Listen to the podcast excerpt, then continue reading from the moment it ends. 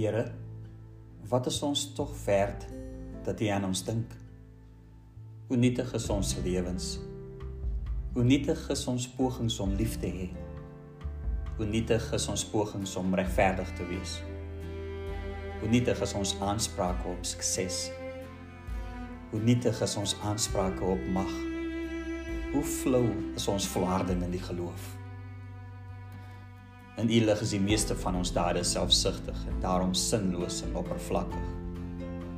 Al wat ons na U kan bring, is ons ontblote harte wat soek na vergifnis, vrede en 'n woord uit U mond. Amen. Liewe Florian wil, welkom. Dis heilige week. En op hierdie maandag lees ons ons eerste teksgedeelte om vir hierdie week met Jesus saam te stap.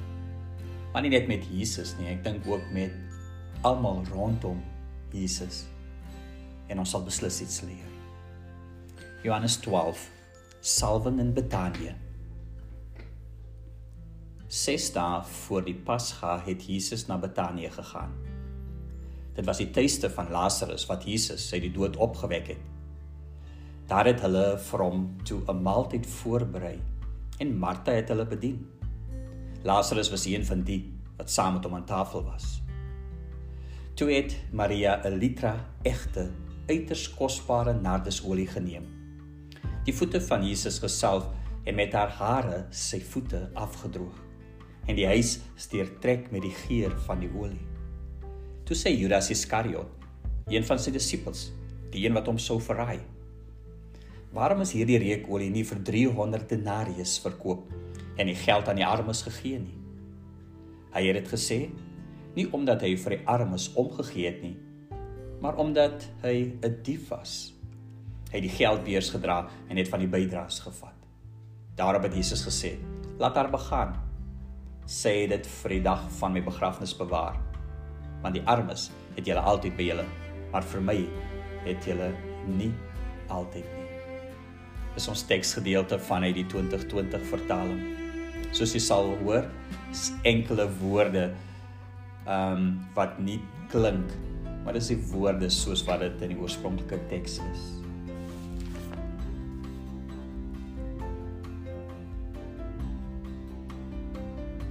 In Johannes 12 ervaar ons iets van liefde wat alles gee.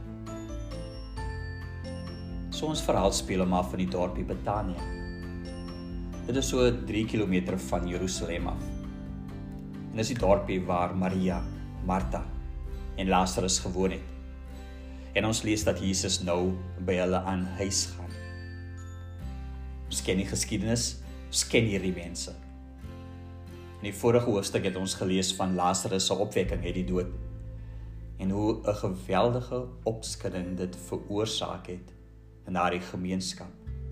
Soveel so dat die Joodse raad vasbeslote was om Jesus dood te maak. En nou is Jesus weer in Betanië. Want hy is op weg na Jerusalem. Hy gaan vir die viering van die van die Pasga. En ons almal weet wat nou gaan volg. Ons almal weet wat vir hom wag. Jesus weet dit ook.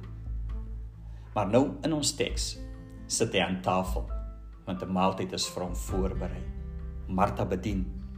En Lazarus sit ook saam met hom aan die tafel en ons natuurlik neem ons aan dat die res van sy disippels ook daar is. Miskien is dit wat Jesus werklik nodig het op daardie stadium.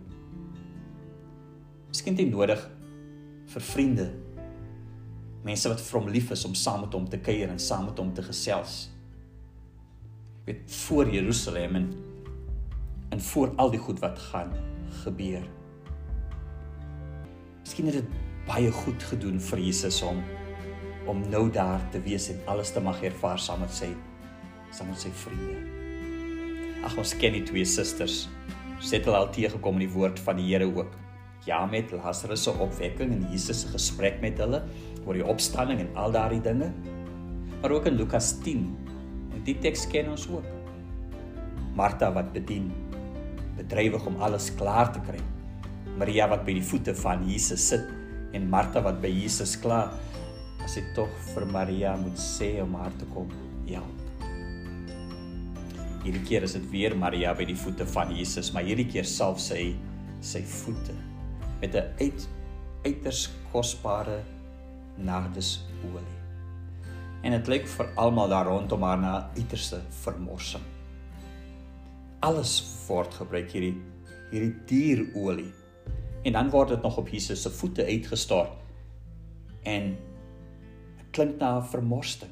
Want as 'n mens gesalf word, word jou kop gesalf. En asof dit nie genoeg is nie, maak sy haar hare los.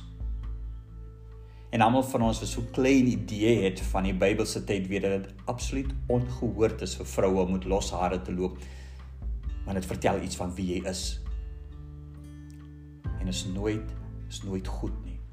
Vroue doen dit nie. Maar sy doen dit en sy vee daarmee Jesus se voete af. Ek dink ons ons weet nou wat volgende gebeur volgens ons teks gedeelte en ons ken dit seker ook. Sommige kere kuier ons lekker. Almal is gesellig rondom ons en dan sê of doen iemand iets, jy weet iets onvanpas. En dan is die hele atmosfeer van geselligheid daarmee. En skielik baie kere is daar spanning in die vertrek oor wat gesê is en wat gedoen is en baie kere is daar seer ook. Ons weet, ons kuier mos ook. En miskien in dit wat Maria doen. Miskien het Martha haar suster gevoel dat sy nou werklik te ver gegaan het. Miskien is die disippels son gemaklik met Maria en hoe sy vir Jesus hanteer en hoe sy haarself blootstel. Maar uiteindelik is dit Judas wat praat. Wat van die armes? Geld kon mos gegaan het om armes te help. Maar dan sê Jesus: "Laat haar begaan. Los haar. Vir my het julle nie altyd by julle nie." Is ons verhaal. In Maria se optrede sien ons tog iets van ware liefde vir Jesus haar navolging van Jesus Christus. En die feit dat sy na opkyk vereis dat sy vir hom 'n offer sal bring. Ek dink dit is vir haar vertel hoe dit sê, hoe sy dit moet doen nie of wat sy moet doen nie.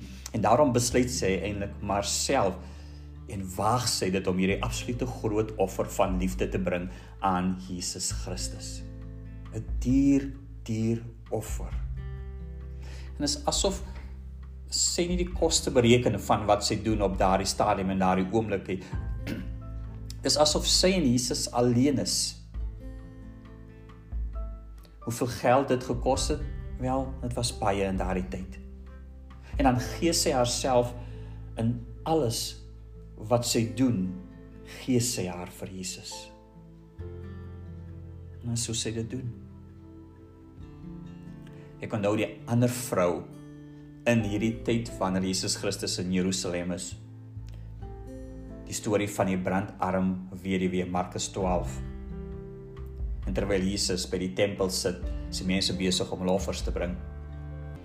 En dan gooi hierdie brandarm weduwee alles in wat sy gehad het. Haar hele lewensonderhoud gee sy en offer sy aan die Here.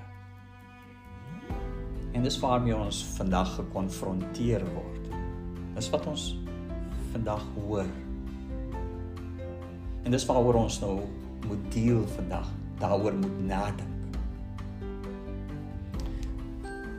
Elke keer hier rondom Palm Sondag dan sal ek die boek van Denise Ackerman van die Rakafal. Die titel van haar boek is Surprised by the Man on the Borrowed Donkey. Nou ek doen dit nou maar elke jaar. Om elke jaar nog maar iets te lees van wat sy sê oor Jesus Christus. En dan pleit sy in hoofstuk 2 van haar boek vir die sentraliteit van kontradiksie en paradoks in ons geloofslewe. En met ander woorde sy sê in die geloofslewe en mooi verklaringe gaan nie noodwendig saam met mekaar nie. Mooi waarin alles uiteengesit is en verklaar is soms nie ons geloofslewe ervaar nie. Inteendeel meeste van die tyd nie. Spyt keer ons sekerheid in ons geloof dat daar's vrae, daar's kontradiksie. Daar's geloof en ongeloof, daar's lig en duisternis en daar's onvoorspelbaarheid. Daar's hierdie teenstrydighede in geloof. Hoe sê die Bybel, as jy swak is, is jy as jy sterk, né? Dis hierdie tipe goed wat ons lees van die evangelies, wat ons lees in die woord van die Here.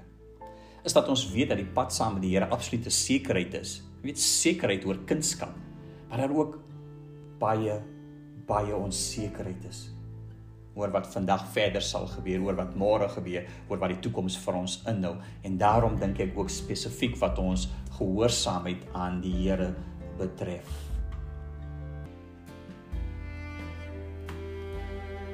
Dis al die dinge wat ek lees in hierdie in hierdie teks en as ek luister na dit dis Ackerman.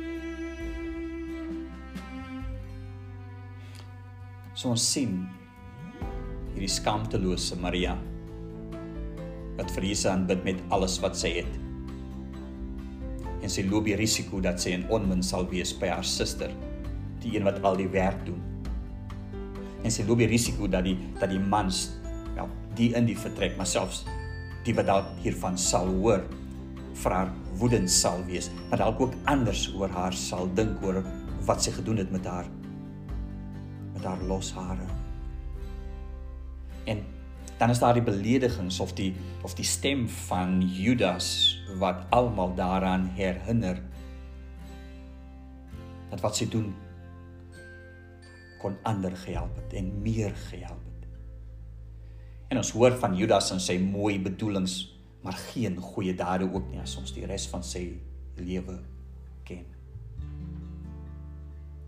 So ek dink vandag as ek hierdie teksgedeelte lees, is dit is dit net om Maria en haar offer aan die voor te hou. En wat dit alles beteken of nie beteken nie. Aan die einde as ons in hierdie heilige week is en bewus raak van Jesus se absolute groot offer vir alle alle mense. Raak ek bewus van Maria en haar offer. En wat soveel teenstrydighede het maar tog 'n offer aan Jesus is. En dat Jesus sê los haar. Sy doen dit vir my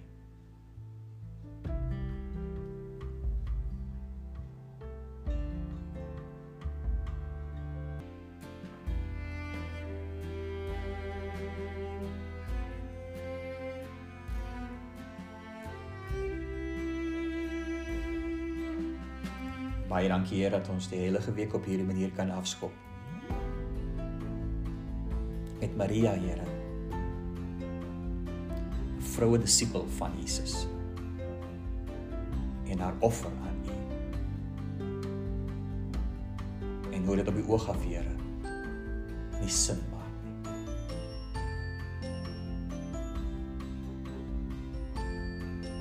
Maar dat U tog, Here, dit goedkeur. En terwyl sy besig is word die hele huis gevul met die geur van hierdie lieflike dier nardesolie. Haar goeie daad versprei deur die hele huis. Maar Here nie net vir daai dag en daai oomblik nie. Here selfs nou versprei daai goeie daad van haar Here. En vra dit en bring dit aan ons die vraag. Wat ons goeie dade teenoor U. Laat U Gees ons lei Here asseblief. Sodat ons Here in liefde vir U sal doen wat nodig is. Want ons weet ook Vader, U is getrou. Wat ons doen Here keer op 'n besonderse manier na ons toe terug. Amen.